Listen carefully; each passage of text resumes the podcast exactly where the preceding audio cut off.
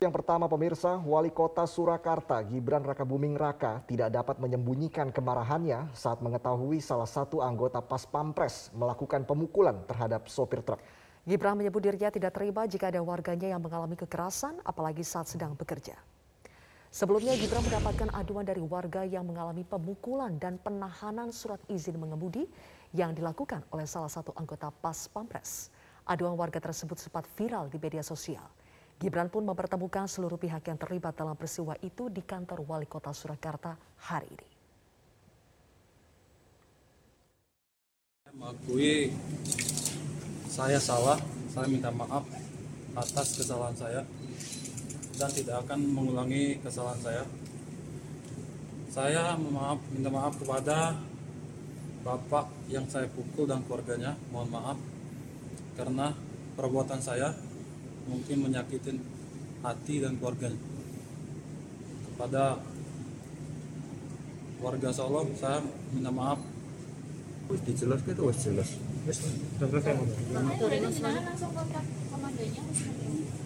Ya kalau bagi saya belum selesai. Mereka kan minta maafnya karena beritanya viral. Kalau nggak viral mereka nggak mungkin minta maaf. Karena sudah beberapa hari ya mas tiga hari. Iya. Baru hari ini berarti mas. Kemarin-kemarin berarti Oh. mereka belum iya berarti lanjut. tetap jadi proses hukum. Selanjutnya gimana mas? Mas Wali belum langkahnya nanti. Komendikbud ya lihat aja nanti. Ya saya sih nggak terima warga saya digituin dia nggak salah. Berarti orang Solo asli ya mas? Dia pas pampresnya juga dalam posisi tidak mengawal siapa siapa pengawalnya siapa? Soalnya saya takut bapaknya terintimidasi. Kalau yang soal ganti rugi gimana mas? Hmm? Ganti rugi dan lain-lain kan ada yang wis diurus, ono sing ngurus ya. Tenang baik. Tadi kan Pak bapaknya drivernya sama pimpinannya kan Pemirsa Diolipa Yumara, kuasa hukum Barada Eliezer mendadak menerima surat pencabutan kuasa hukum dari kliennya. Namun Deolipa menemukan sejumlah keanehan dalam surat pencabutan kuasa hukum kiriman Barada Eliezer tersebut.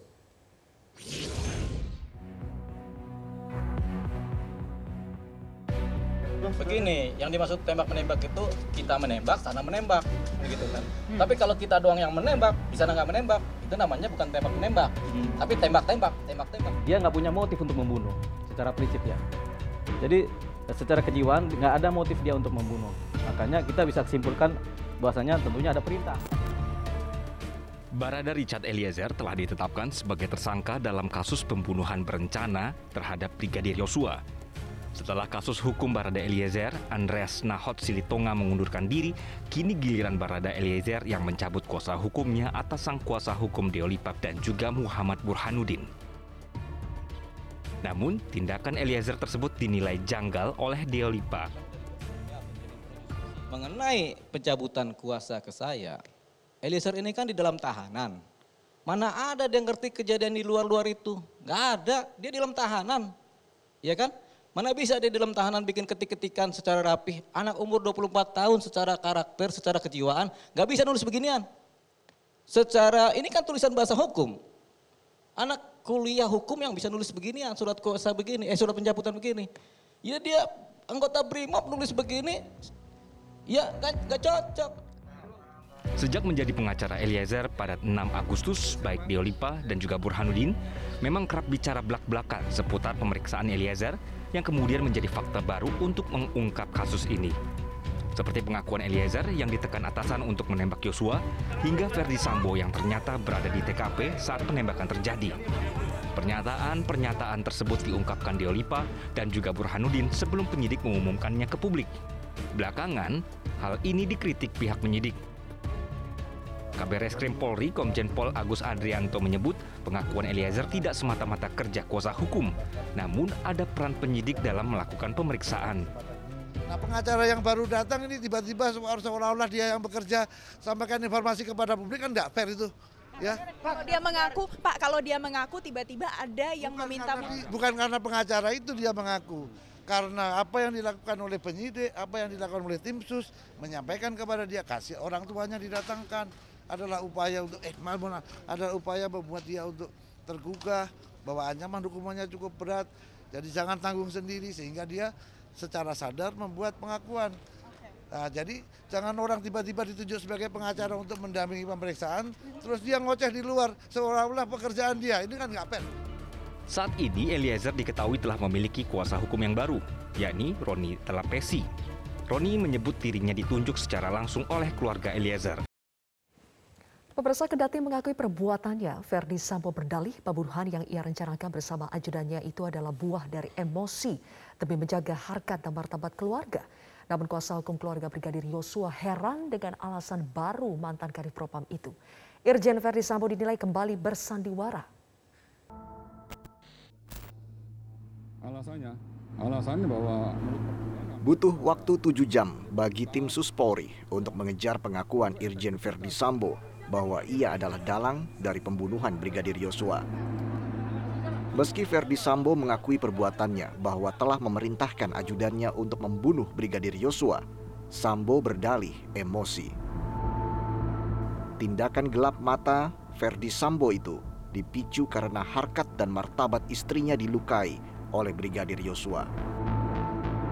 Dirinya menjadi marah dan emosi setelah mendapat laporan dari istrinya PC yang telah mengalami tindakan yang melukai harkat dan martabat keluarga yang terjadi di Magelang yang dilakukan oleh almarhum Joshua. Oleh karena itu, kemudian tersangka FS memanggil tersangka RR dan tersangka RE untuk melakukan pembunuhan, untuk merencanakan pembunuhan terhadap almarhum Joshua. Namun dalih Irjen Verdi Sambo itu dinilai aneh oleh kuasa hukum keluarga Brigadir Yosua. Sebab kalaupun harkat dan martabat istri Sambo telah dilukai oleh Brigadir Yosua, mengapa saat pulang dari perjalanan ke Magelang menuju Jakarta, istri Verdi Sambo masih mau bersama Brigadir Yosua? Kalau laporannya Sambo benar, yang menyatakan pertama dugaan pelecehan, yang kedua pengancaman pembunuhan, Irjen Pol macam apa Kadif Propam macam apa membiarkan istrinya jalan bersama dari Magelang yang sudah diancam pakai pistol. Menurut saya tukang beca pun tidak akan membiarkan istrinya jalan bersama dengan yang orang mengancam istri tukang beca itu. Ini Kadif Propam RI apa Polri. Okay. Jangan mempermalukan diri sendiri. Bertobat sebelum celaka nanti. Okay. Ini dilihat oleh Tuhan. Iya makanya masa istrimu sudah di apa namanya sudah diancam di Magelang pakai pistol sesuai laporan dari Polres Selatan, tapi kau biarkan istrimu dikawal orang yang mengancam nyawa istrimu. Logis nggak? Adapun dalih yang disampaikan Verdi Sambo kini tak lagi penting. Sebab unsur pembunuhan berencana yang disangkakan kepada mantan Kadif Propam Polri itu telah terpenuhi. Tapi motif nggak mempengaruhi loh Mbak, artinya uh, terhadap perkara ini sudah clear terhadap pembunuhan terhadap pembunuhan yang dilakukan sudah clear itu sudah sudah cukup motif untuk segera apa pun itu tidak mempengaruhi uh, bukti yang sudah didapatkan oleh Polri begitu ya? Iya nggak mempengaruhi. Ya jadi motif itu hanya menentukan kehendak kehendak. Kenapa sampai terjadi seperti ini kan itu mbak? Kenapa okay. semakin melakukan suatu kejahatan melakukan pembunuhan itu suatu kehendak. Lah kehendak itu loh seperti itu kok sampai melakukan pembunuhan? Berencana lah apakah tidak dengan peringatan apakah kalau tidak hanya penganiayaan ringan. Irjen Verdi Sambo menjadi tersangka kasus pembunuhan berencana Brigadir Yosua sejak 9 Agustus lalu. Sebelum menjadi tersangka, Verdi Sambo sempat membuat skandal dengan berupaya mengaburkan fakta pembunuhan dan memerintahkan anak buahnya untuk menghilangkan barang bukti. Irjen Verdi Sambo mengakui telah merekayasa skenario pembunuhan Brigadir Yosua. Ketua Komnas HAM Ahmad Taufan Damanik memastikan mantan Kadif Propam Polri itu sebagai aktor utama dalam pembunuhan Yosua. Permintaan keterangan atau pemeriksaan tersebut ada beberapa hal yang tadi kami uh, dapatkan. Pertama adalah pengakuan saudara FS bahwa dia adalah aktor utama dari peristiwa ini. Itu yang pertama tadi disampaikan. Yang kedua, dia mengakui bahwa sejak awal dialah yang melakukan langkah-langkah untuk merekayasa, mengubah atau mendisinformasi beberapa hal sehingga pada tahap-tahap awal misalnya yang terbangun konstruksi ceritanya atau peristiwanya tembak menembak kan begitu. Tapi kemudian tadi diakuinya itu adalah hasil rancangan dia sendiri dan dia mengakui bahwa dia bersalah dalam uh, tindakannya yang mereka esa itu. Yang penting dia tadi sudah menyampaikan semua hal yang dia katakan inilah sebetulnya peristiwa sebenarnya. Poin utamanya dia aktor utamanya, dia aktor dia aktor di utamanya. Yang kedua dia mengakui bahwa dia yang merekayasa atau yang tadi disebut sebagai obstruction of justice.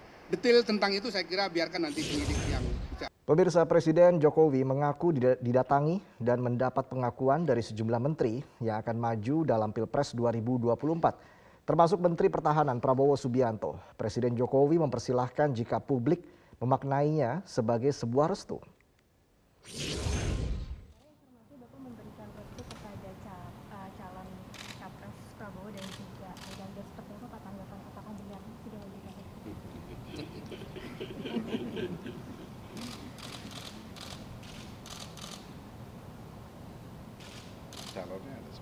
Istilahnya saya kira eh, karena menyampaikan kepada saya ya mesti masa saya bilang jangan.